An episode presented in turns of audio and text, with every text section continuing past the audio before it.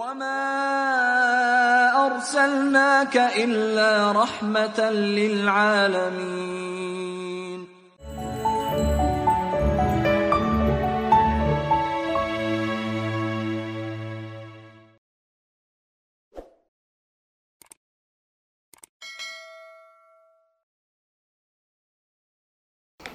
Assalamualaikum warahmatullahi wabarakatuh. Alhamdulillahirabbil alamin. Nasta'inu ala umuri dunya waddin. Wassalatu wassalamu ala Rasulillah. Sayyidil awwalin wal akhirin. Imamina wa qurrati ayunina Muhammad. Wa ala alihi wa sahbihi ajma'in. Bapak Ibu yang saya muliakan, Majelis Ta'lim Cahaya Iman. Ya Alhamdulillah Bapak Ibu sekalian, sekarang kita sudah masuk di bulan Zulqa'dah. Jadi Sawal sudah berlalu, tapi tentu karena ini pertemuan kita secara formal baru terjadi pagi hari ini ya kita saling mengucapkan taqabbalallahu minna wa minkum taqabbal ya karim. E, mudah-mudahan Allah menerima amalan kebaikan kita di bulan Ramadan. Nah, di antara warisan Ramadan saya kira yang perlu untuk kita terus lestarikan khususnya di majelis kita ini tentang Al-Qur'an maka kajian kita di Jumat pagi ini tetap ya hidup bersama Al-Qur'an. Kemudian kajian kita di hari Sabtu hidup bersama Rasulullah Sallallahu Alaihi Wasallam. Nah, jamaah sekalian yang saya muliakan, kalau kita memperhatikan susunan Al-Quran Ya, surat-surat di dalam Al-Quran, maka kita dapatkan setelah surat Al-Alaq, Iqra bismi rabbikal ladzi khalaq ya. Itu terdapat surat Al-Qadar. Inna anzalnahu fi lailatul qadar yang sering kita baca.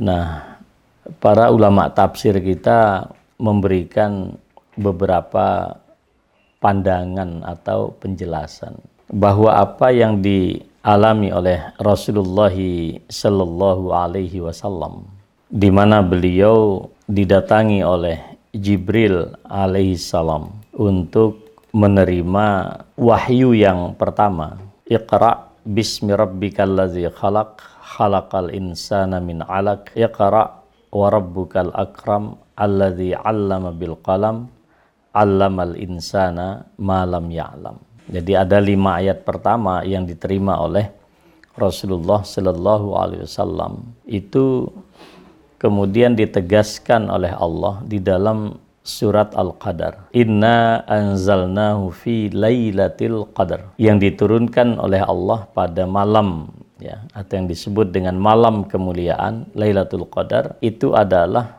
persis apa yang telah disampaikan oleh Allah Subhanahu wa taala kepada Rasulullah sallallahu alaihi wasallam di Gua Hira ya pada bulan Ramadan. Di dalam ayat yang lain Allah juga menyatakan Inna anzalnahu fi lailatim mubarakah. Sungguh kami telah turunkan Al-Quran itu pada malam yang penuh dengan keberkahan. Ini pertama. Sehingga ketika Al-Quran ini telah berlalu 14 abad, kita masih mendapatkan pesan moral dari Allah Subhanahu wa taala melalui peristiwa Lailatul Qadar. Jadi sesungguhnya agar kita tetap menyadari seolah-olah Jibril yang datang kepada Rasulullah pada 14 abad yang lalu itu itu juga datang kepada kita umat Islam pada setiap tahun yaitu pada malam Lailatul Qadar. Inna anzalnahu fi Lailatul Qadar. Nah, ini poin yang pertama sehingga keyakinan kita bahwa Al-Qur'an ini diturunkan oleh Allah dan dijaga oleh Allah seperti ayatnya inna nahnu nazzalna dzikra wa inna lahu lahafizun itu betul-betul dirasakan oleh setiap umat Islam. Sehingga tidak ada lagi yang beralasan di antara kita dia tidak bisa hidup bersama Al-Qur'an. Nah, ini pelajaran yang sangat penting. Mengapa demikian? Karena saat ini tentu banyak sekali pilihan jalan-jalan kehidupan di era yang luar biasa saat ini. Bahkan ya belum lama ini seorang ilmuwan Israel ya namanya Yoval Harari ya menulis tentang prediksi masa depan umat manusia di mana umat manusia ini akan menjadi hamba bagi teknologi yang dia ciptakan sendiri. Nah, itu panjang tebel buku itu saya lihat juga kemarin di Gramedia. Nah, dalam suasana seperti ini termasuk juga pandemik ya yang masih terus belum berakhir bahkan kemarin tembus di angka 1600 ya eh, pada laporan hari kemarin. Al-Qur'an ini sudah tidak ada lagi pilihan lain. Inna hadzal Qur'ana yahdi lillati hiya aqwam Al-Quran ini bisa menunjukkan kita dan mengantarkan kita kepada kehidupan yang lurus, ya, yang akan menunjukkan kita kepada Allah Subhanahu wa Ta'ala, wa anna hadha sirati mustaqiman fattabi'uhu wa la tattabi'us subul fatafarraqa bikum an sabilihi. Ini adalah jalan Allah, metode kehidupan yang digariskan oleh Allah. Ya, jangan ikuti jalan-jalan yang banyak itu. Jadi ada banyak sekali pilihan jalan-jalan yang lain di luar Al-Quran. Maka nanti kita akan bercerai-berai dari jalan Allah subhanahu wa ta'ala. Padahal kehidupan kita sebagai orang yang beriman ujungnya juga kepada Allah. Innalillah wa inna ilaihi rajiun. Kita bermula dan dimiliki oleh Allah dan nanti juga berakhir kepada Allah Subhanahu wa taala. Nah, di sinilah perlu kita merasakan pada diri kita masing-masing kita tetap dapat bersama dengan Rasulullah Shallallahu alaihi wasallam. Betapa banyak para sahabat berdoa kepada Allah semata untuk bisa bersama beliau. Bahkan banyak di antara para sahabat tidak meminta apa pun kenikmatan di dunia ini kecuali bisa hidup bersama dengan Rasulullah Shallallahu Alaihi Wasallam. Nah sekarang Al-Quran ini juga demikian. Nah sekarang kalau kita masuk di bulan Zulqa'dah artinya baru satu bulan yang lalu malaikat Jibril turun ya mengaktifasi lagi e, menguatkan kembali energi rohani kita, energi spiritual kita melalui peristiwa e, apa namanya Lailatul Qadar. Karena apa? Kedua itu tadi, kedua adalah kata lima Mutawalli Sya'rawi tanazzalul malaikatu warruh. Jadi pada malam itu Jibril alaihi salam memimpin eh, serombongan malaikat yang kita tidak pernah mengerti berapa bilangan mereka, berapa jumlah mereka. Mereka ini turun kepada kita. Nah, mereka turun kepada kita sehingga beliau mengatakan malaikat yang pernah turun 14 abad yang lalu dan sekarang Rasulullah telah meninggal dunia ini turun kepada kita. Malaikat Jibril datang kepada kita. Dengan apa datangnya itu? Dengan keberkahan dengan membawa kedamaian. Apa itu? Salamun hiya hatta matla'il fajar. Kedamaian yang pernah dibawa oleh malaikat Jibril kepada Rasulullah Shallallahu Alaihi Wasallam pada 14 abad yang lalu, beliau pula yang datang kepada kita pada masa sekarang ini membawa kedamaian, ketentraman, kebahagiaan, ketenangan yang sama.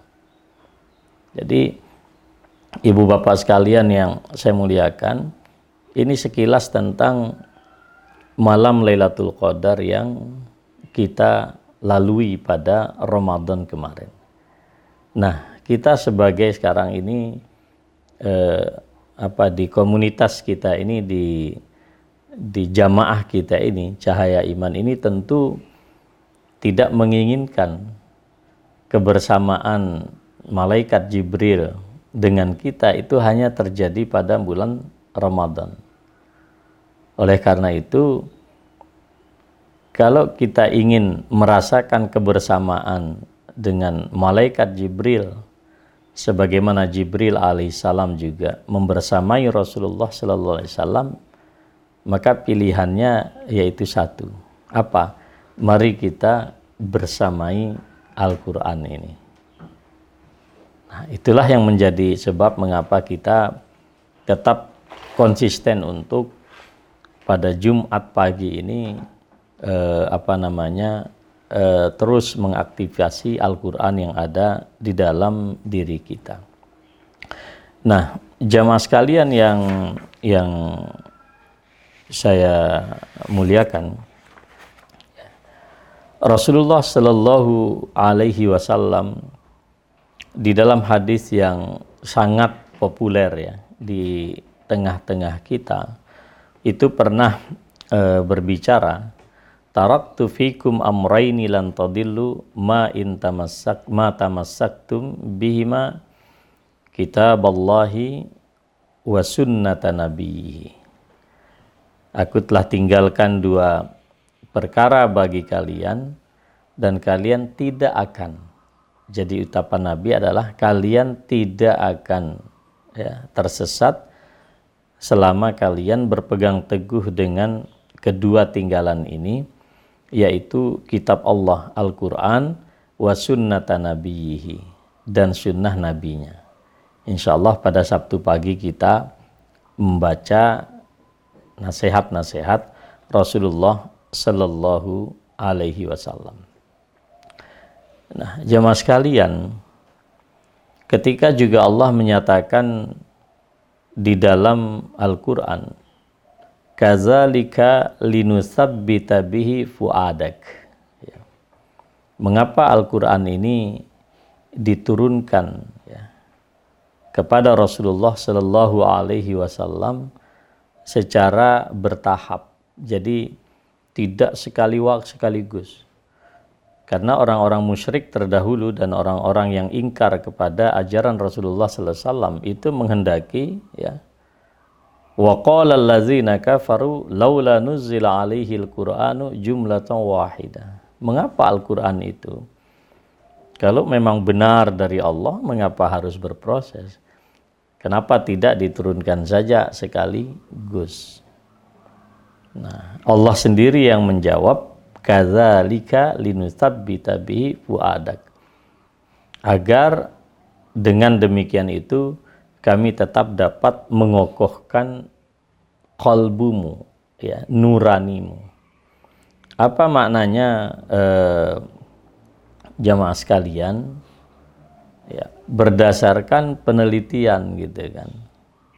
Kalau ya kalau taruhlah pada masa Rasulullah gangguan-gangguan yang beliau terima itu sedemikian dahsyat dari gangguan politik, boykot ekonomi, boykot sosial, ya kan.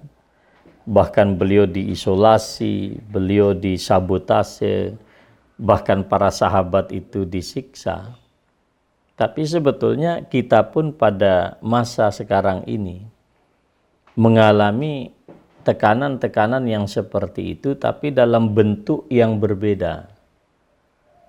Bahkan menurut para peneliti semakin ke sini semakin banyak manusia yang tidak bahagia di dalam hidupnya. Meskipun dimudahkan oleh Allah berbagai macam fasilitas untuk persoalan-persoalan dunia. Kalau dulu kalau tidak pergi ke sawah ya karena kita ini negeri agraris mungkin dia tidak bisa bertahan hidup.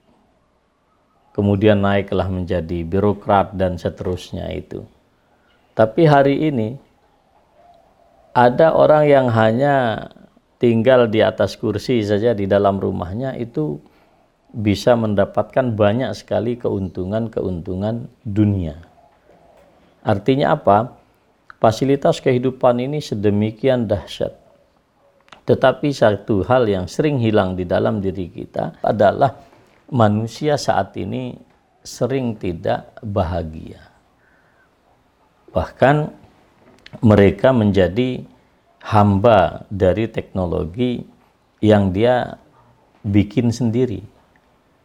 Nah, apa maknanya? maknanya adalah kita menghadapi juga apa yang dulu dihadapi oleh Rasulullah Shallallahu Alaihi Wasallam. Nah, apa obat daripada tekanan-tekanan kehidupan yang sangat berat? Allah menyatakan di dalam surat Al-Furqan ayat 32 yaitu Al-Qur'an. Maka Al-Quran ini sebagaimana Rasulullah juga tidak perlu kemudian kita lahap sekaligus, tidak perlu. Mungkin satu dua ayat kita baca dan kita tidak kemudian kekeh hanya semata-mata memperbanyak halaman yang dibaca. Tetapi pada setiap kata-kata, pada setiap ungkapan-ungkapan itu tersimpan berbagai macam pelajaran yang harusnya kita kita ambil, kita renungi dan kita jadikan sebagai eh, pegangan di dalam kehidupan kita. Kalau demikian, maka bisa saja dunia ini bergejolak. Apalagi pandemi kita yang saat ini juga belum berakhir, kita melihat eh, apa ini macam-macam lah. Termasuk kerentanan rumah tangga ternyata juga ada ada ada pengaruhnya juga ini. Ekonomi sudah pasti politik juga kurang-kurang juga dikendalikan akan macam-macam ini. Nah dalam ketegangan-ketegangan inilah jemaah sekalian monggo kita agar mendapatkan karunia yang didapatkan oleh Rasulullah linusabbita bihi fuadak agar kami dapat mengokohkan ya, hatimu wahai Muhammad karena inti daripada kebahagiaan kita ini ada di kolbu kita. Kita bersamai Al-Qur'an. Nah, demikian pula apa yang diucapkan oleh Allah di dalam surat An-Nahl ayat 102. Apa firman Allah di situ? Qul nazzalahu ruhul qudus min rabbika bil haqq liyuthabbitallazina amanu. Katakanlah wahai Muhammad ya, bahwa Al-Qur'an itu diturunkan oleh malaikat Jibril dari Tuhanmu bil haq dengan sungguh-sungguh benar. Ya bukan tipu-tipu bukan hoax tapi sungguh kebenaran. Ya, Allah malah menyatakan di dalam An-Nahl 102, liyutsabbitallazina amanu. Agar Allah dengan Al-Qur'an yang diturunkan itu dapat mengokohkan pendirian dan kehidupan orang-orang yang beriman. Nah, dari sinilah jemaah sekalian, para ulama kita mengambil satu kaidah bahwa Al-Qur'an ini adalah ya penopang hidup ya soko guru kehidupan yang paling agung. Nah, ini yang dikatakan oleh mereka zalika annahu yazra'ul iman yuqawis silata billah. Karena apa? Al-Qur'an ini yang terus kita bersama ini terus menumbuhkan ya, menanamkan, menumbuhkan keimanan pada diri kita dan semakin menguatkan hubungan kita dengan Allah Subhanahu wa taala. Karena itulah para ulama kita juga menasehati barang siapa yang ingin didengar tutur katanya oleh Allah, hendaklah dia berdoa. Tetapi barang siapa yang ingin diceramahi ya, dan diajak berbicara secara langsung oleh Allah, hendaklah dia membaca dan mentadaburi Al-Quran. Nah inilah yang disarankan oleh Allah di dalam surat Sad ayat 29 kitabun anzalnahu ilaika mubarak liyadabbaru ayatihi waliyatazakkara ulul albab ya. Ini adalah kitab yang diturunkan ya, kepadamu wahai Muhammad agar umat manusia mentadaburi ayat-ayatnya dan agar orang-orang yang memiliki anugerah pengetahuan yang mendalam itu selalu mengingat-ingat. Ingat kita punya perjanjian dengan Allah Subhanahu wa taala, jangan pernah kita lalaikan perjanjian itu.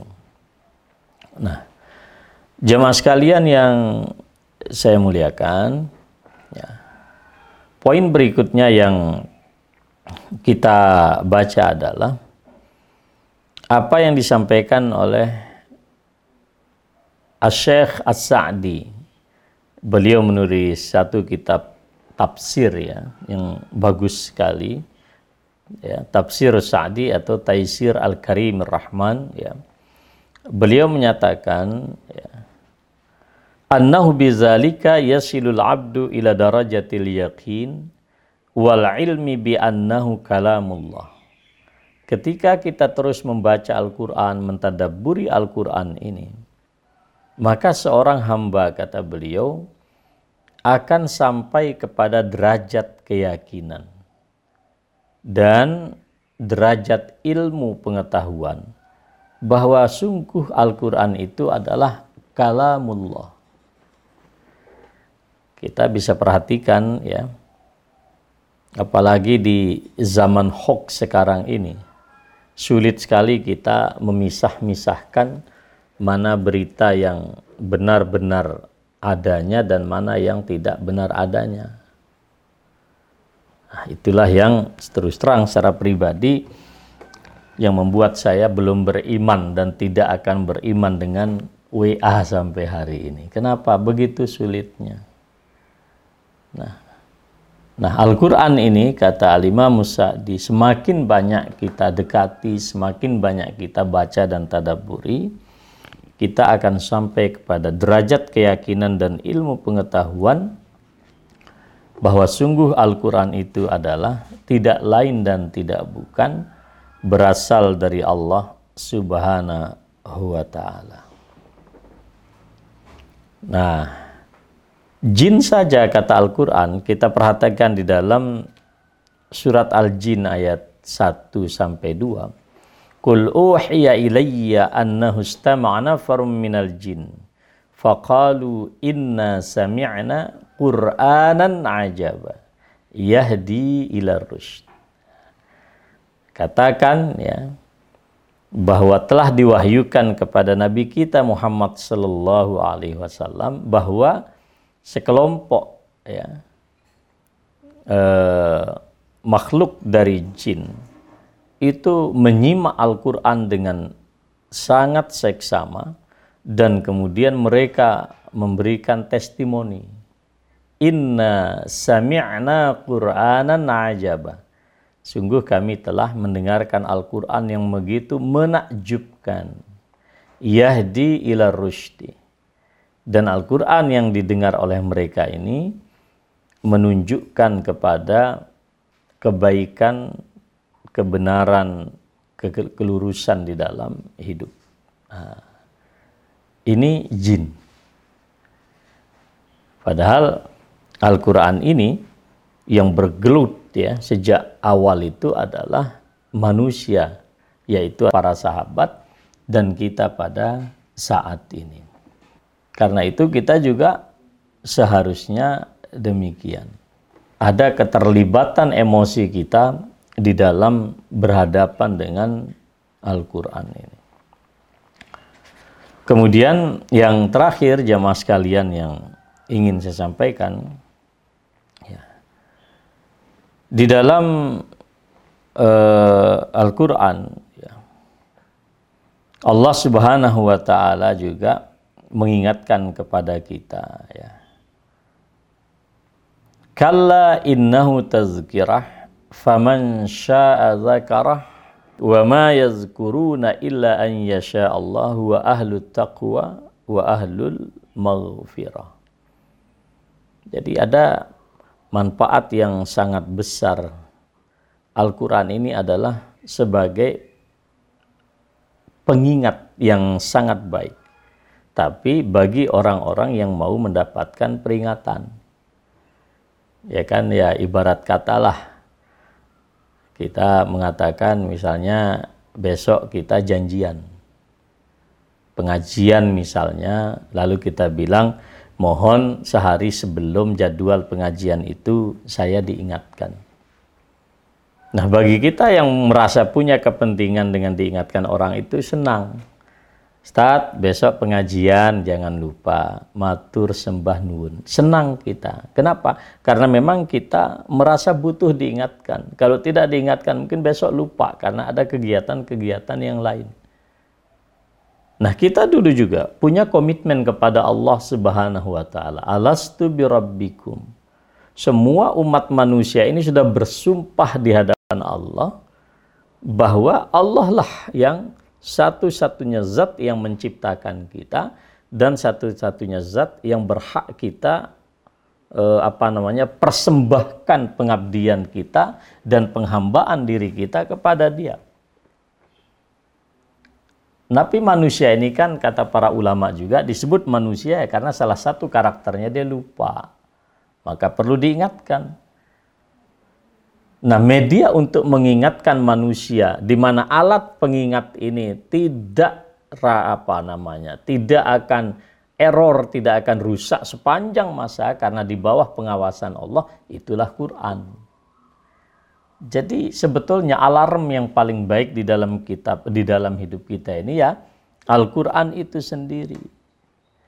Nah, tapi ingat kita sanggup mendapatkan manfaat dari peringatan Al-Qur'an ini juga kembali kepada masyiatullah, kehendak Allah juga. Nah, kehendak inilah yang terus kita raih. Tapi Allah kan paham juga kalau kita setengah hati pun ya tidak mungkin lah. Ya maka harus ada komitmen huwa ahlu taqwa wa ahlul maghfirah. Allah inilah kemudian yang pantas untuk ditakuti oleh kita. Allah pula yang satu-satunya zat yang dapat memberikan ampunan. Siapa pula yang bisa mendapatkan manfaat dari peringatan Al-Quran? Saya zakaru man yakhsha. Orang yang punya rasa khasyah takut kepada Allah Subhanahu wa taala. Jadi kalau kita tidak punya rasa takut kepada Allah, ya sulit. Jadi betul kata seorang pemikir, bangsa yang maju itu ya harus ada yang ditakuti. Lah kita ini bangsa yang kadang-kadang nggak ada yang ditakuti saat ini. Makanya kita barangkali susah maju karena tidak ada yang ditakuti.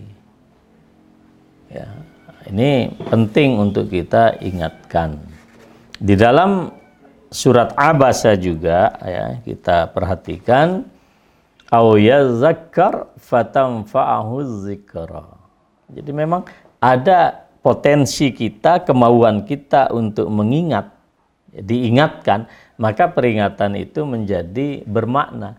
Tapi kalau memang di dalam mental kita, sikap kita ini memang abai, mengabaikan, melalaikan, ya mau diingatkan dengan apa pun, disetelkan Al-Quran MP3 sampai volume yang terbesar, barangkali ya tidak akan bermakna.